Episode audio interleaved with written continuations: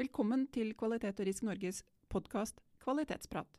Det kan forekomme egenreklame for våre kurs og konferanser.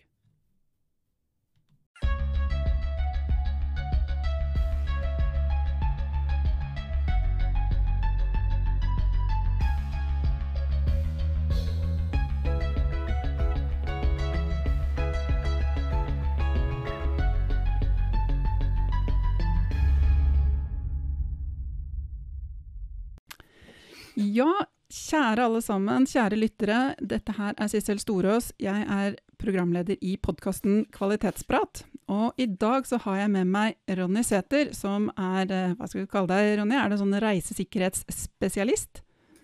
Ja, altså det, i, i, mangel på en god tittel eh, hos arbeidsgiveren min, så har de gitt meg en engelsk tittel, og det er Global Travel Security Manager. Så wow. Ja, wow. Man kan jo kanskje kalle det en som jobber med reisesikkerhet, i hvert fall. Ja. ja, så bra. Eh, du var jo på besøk hos Kvalitet Turist Norge Telemark, eller Vestfold Telemark, som det heter nå, for en liten tid tilbake i slutten av april. Da holdt du foredrag om temaet. Det gjorde jeg. Eh, og da, eh, for de som, som deltok der, så, så, pekte jeg mye på modell og prosess, og hvordan hvordan eh, Norges Bank, som er min arbeidsgiver, hvordan vi, eh, hvordan vi jobber med, med, reisesikkerhet. Ja, og vi syns det var et såpass interessant foredrag, og tenkte at dette må være noe for våre podkastlyttere som sitter ikke bare i Vestfold Telemark, men over hele Norge, og andre steder òg, for den saks skyld. Vi har jo lyttere fra USA og Taiwan og mange andre steder. Eh, så derfor så, så tenkte vi nå tar vi det her som en podkast. Så, men Ronny, som sagt, Norges Bank og reisesikkerhetsleder, eller Travel Security Manager, Global såkant, så, så, så, så langt. Men kan du ikke si litt om eh, din bakgrunn? Jo, eh, som sagt da, så, så, jobber jeg nå i Norges Bank. Eh, men det fantes en tid før, før, det også. Og da er det sånn at jeg har bakgrunn fra Forsvaret. Eh, jeg har gått befalsskolen. En del år tilbake, og jeg har tjenestegjort i internasjonale operasjoner. Og eh, etter forsvarstiden min så, så, begynte jeg i politiet, og der var jeg åtte år, før jeg da endte opp da i, i Norges Bank da, for, eh, for, eh, for, noen år siden. Og utdanningen min den har jeg fra Universitetet i Tromsø, der jeg har en grad i International Emergency Management. Men hvorfor reisesikkerhet? Nei, altså Når det kommer til reisesikkerhet, så, så har jeg en, eh, en, genuin interesse av å, å, hjelpe mennesker, altså å bidra i samfunnet. Um, og, og, mye av den interessen som da også knytter seg mot, uh, mot jobb, handler da om nettopp det, å sørge for sikkerhet, til, sikkerheten til mennesker. Uh, og, og, det er et stort fagfelt. Uh, og det å kunne gi og redusere risikoen for da mennesker som er ute på reise i den store verden, det føles uh, meningsfullt. Og som jeg pleier å si til, til, mennesker som jeg snakker med, det er at det er en jungel der ute. og det er, det er, meningsfullt og føles som en fin oppgave å kunne hjelpe mennesker å navigere da, i, i, det landskapet. Mm. Ja, for du har en definisjon på reisesikkerhet. Ja, eh, jeg pleier å definere reisesikkerhet eh, som eh, Altså at reisesikkerhet først og fremst handler om sikkerheten til mennesker på reise, og er da summen av de tiltak du iverksetter for å redusere risiko mot trusler og farer. Men så handler det også om å, å kunne se hele mennesket, og, og, få menneskene som er på reise til å føle seg trygg. Sånn at det er også et, et safety-perspektiv i det hele. Men, men Veldig ofte så handler det om å redusere risiko for trusler og farer, risikobasert på hva mennesker kan møte på reise. Ja, for det er egentlig både sånn safety, et sånn HMS-safety-perspektiv og et security-perspektiv som går mer på sikring eh, mot eh, ja, eh, utenforstående trusler og, og ondskap, ondsinnede hensikter, om du kan kalle det det. da. Så det er jo to, de, Begge de to sidene er jo en del av det.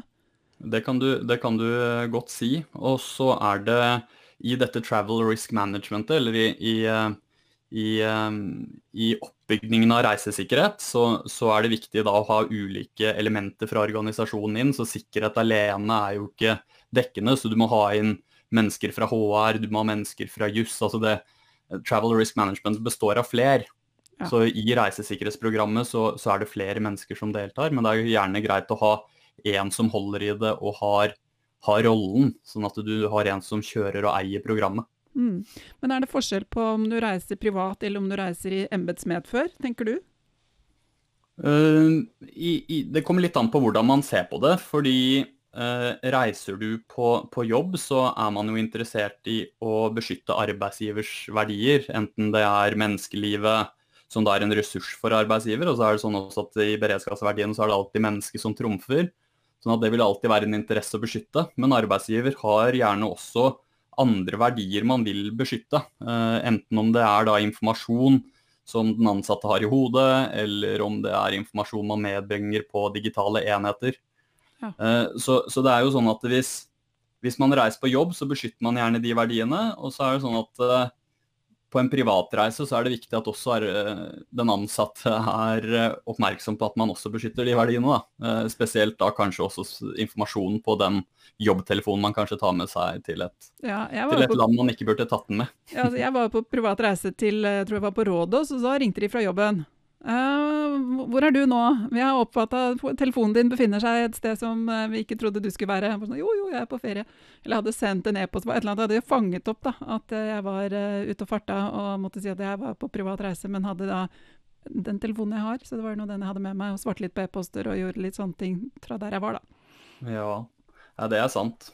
Men, arbeid, men sant, i dette tilfellet så tok jo faktisk arbeidsgiver et slags form for ansvar da, og ringte og sjekket at jeg var der jeg var. Men, eh, og jeg har også opplevd at eh, banken også har gjort det. Vi ser at det er masse skjer ting på kontoen din på et annet sted enn der vi trodde du skulle være. Eh, men, men, som arbeidsgiver, har man et sånn Er det et eget ansvar? Er det noe som man er pålagt, eller er det noe som man må bare tenke på fordi det er klokt? Altså Man kan si i, i Norge eh, altså For å ta internasjonalt først, så har man et begrep som heter duty of care. Uh, kan kanskje oversettes som noe sånt som arbeidsgivers plikter, eller at arbeidsgiver har et ansvar uh, overfor de ansatte. Uh, og i norsk lovgivning så kan man da se hen til arbeidsmiljøloven, som sier noe om at man skal sikre et fysisk og psykisk sikkert arbeidsmiljø. og det vil jo si at arbeidsgiver har et ansvar for den, for den ansatte, som da er på jobbreiser. Um, og at man da burde ha et program og et system for å ivareta det, sånn at den ansatte faktisk er i stand til å gjøre det den skal gjøre og er informert om risiko osv. Mm. Ja, for Du snakket jo om det at eh, på foredraget du hadde holdt, så ble det mye snakk om modeller og prosesser. Så du har vel en, det er en modell, er det ikke det, som du, som du primært bygger dette opp, opp på, er det ikke det? Jo, det, vi liker å kalle det modell og prosess, eller jeg liker å kalle det modell og prosess. Og, og, og sånn jeg ser på det, så er det viktig å se helhetlig på, på reisesikkerhet. Så man må både se helseaspekter, eh, fysiske aspekter og cyberaspekter, sånn at man på en måte beskytter alle de verdiene som er verdt å, å beskytte. Og så må man se på det før reise, under reise og etter reisen, sånn at man eh, kan se på en kvalitetsforbedring og hele tiden se på kontinu kontinuerlig forbedring i tillegg. Mm. Uh, og i den prosessen da, så, så, så, ligger det jo det at man må ha uh, en plan gjennom planverk og prosedyrer, tiltakskort og risikovurderinger. Og at du må trene de ansatte og de som skal håndtere hendelser hjemme. Uh, og at du har en kapabilitet til å monitorere om det skjer noe der ute. Og at du har et system for å respondere på hendelser, sånn at du faktisk kan komme i kontakt med ansatte på reise. Ja, ja det er sant. Og så er det jo mm. sånn at det er det er kanskje ikke like prekært å tenke på alle disse tingene hvis man skal på en dagstur til Stavanger, eller versus eh, til et mer høyrisikoland som f.eks. til Nigeria eller andre steder. Altså, eller, Nigeria er kanskje tilfeldig valgt, men, men, at man reiser til Det er jo noen land eh, som kanskje opererer med en høyere risiko enn dagsturer rundt omkring i, i innenlands. Og det, det, er et veldig godt poeng. Eh, og den dagsturen innenlands den dekkes kanskje av den generelle awareness-treningen i virksomheten, altså som gjennom nano-learning eller eh, nyansatt kurs og, og ting som, eh, lignende ting som det. da.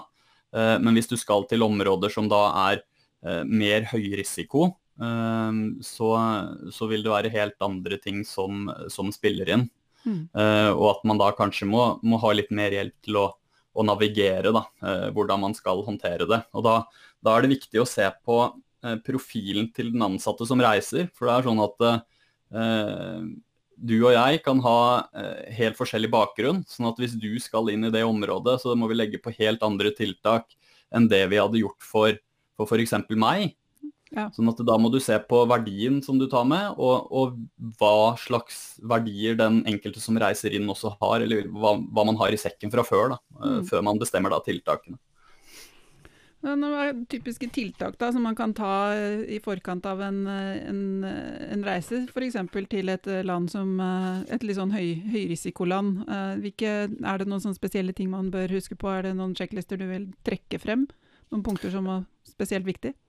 Det, det, jeg eh, pleier å si, da, det er at man må skille på det som er da høyrisikoland og høyrisikoreiser. Fordi du kan i utgangspunktet bare ta det først, at man kan ha en høyrisikoreise til et lavrisikoland. Og det er Hvis du har en spesifikk trussel til, til stede, så kan en reise til Sverige f.eks. Det kan være høyrisiko. Ja, nå disse eh, dager med, med, med, smitterisiko, så kan en tur til Sverige i hvert fall medfølge karantene når du kommer hjem. Så ja. Så, så ja. Det er et veldig godt poeng. Uh, så, så, bare for å ta det først, og så kan man heller peke på cybersiden av det. At man kan peke på kanskje høyrisikoland. At det er uh, land som du vet er høyrisiko knyttet til en spesifikk uh, trussel eller fare. da. Mm. Men, men, spesifikke tiltak du kan legge på, det baserer seg gjerne etter en, en risikovurdering. Og en metode som jeg er veldig glad i å bruke, er trefaktor der man ser på verdien, som jeg har snakket om flere ganger allerede, mm.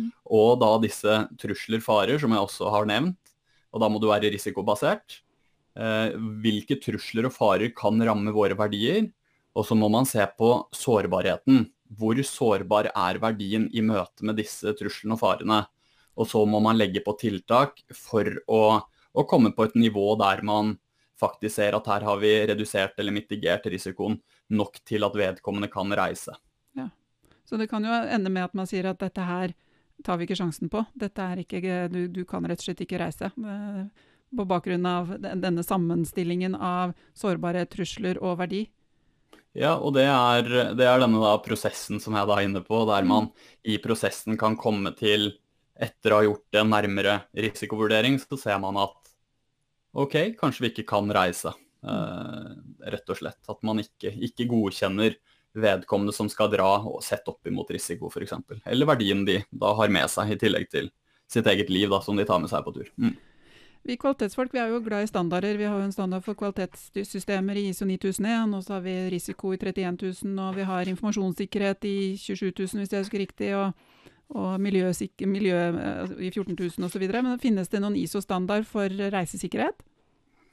Det finnes ikke noen, noen, norsk standard på det, eh, og det finnes heller ikke noen ISO-standard. Men, men, det kommer eh, neste høst, 2021.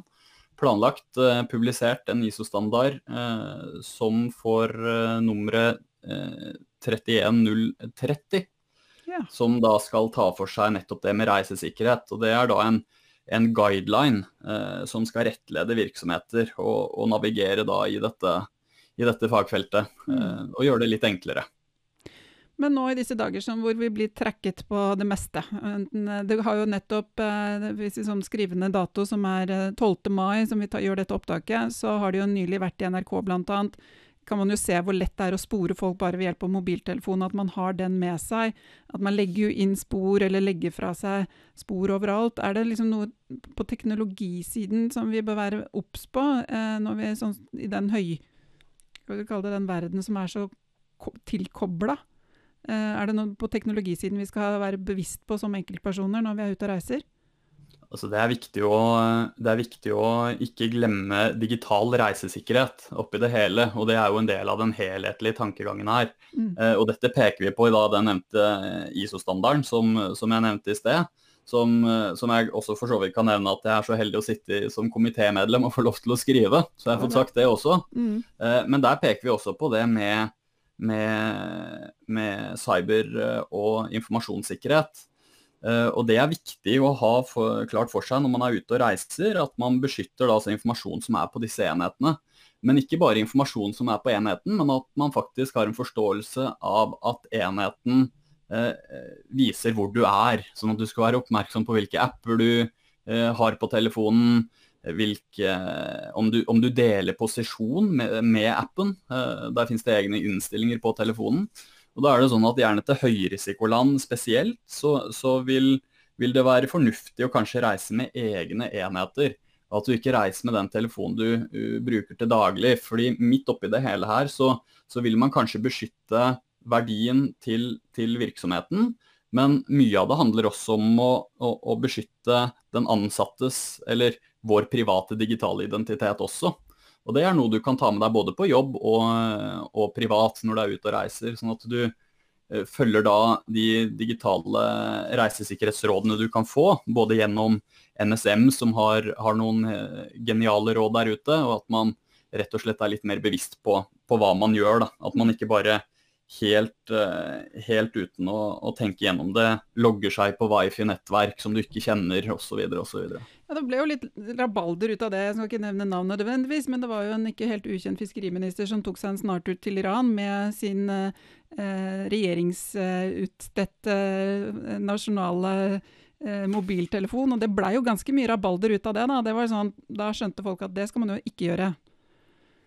Nei, og det er jo, det er jo dessverre sånn at uh, alle mennesker kan, kan, gjøre feil valg og, og gjøre vurderinger som, som ikke, ikke, var så lure. Men det som er positive siden av det, er at man gjerne kan se lærdom i ettertid. Sånn at uh, nå er vi i hvert fall bevisst på den trusselen, og så er det da blitt sånn at vi, vi kanskje er enda mer oppmerksomhet på den trusselen og faren det utgjør. Da. Mm. Sånn at uh, det ender opp rett og slett med å da bli en, bli en lærepenge der flere forstår eh, sårbarheten ved å, ved å, gjøre det. Mm. Og det, det, er, det, finnes det jo flere klassiske eksempler på også. Ja, jeg synes det er en, en ting som, eh, som, kan være verdt bare å repetere, dette som du nevnte, dette å, å logge seg på eh, ulike mer eller mindre åpne og, og gode wifi-nettverk på flyplasser og på hoteller og, og, rundt omkring fordi man kanskje ikke vil bruke mobildata, eller det oppleves som dyrt. Og så ender man istedenfor opp og kanskje gjøre seg veldig sårbar for nedlastninger og, innbrudd og, og uønsket uh, inntreden i din, uh, digitale, dine, dine, digitale midler, da, med, fordi at man gjør sånne, sånne ting. Så, men, men så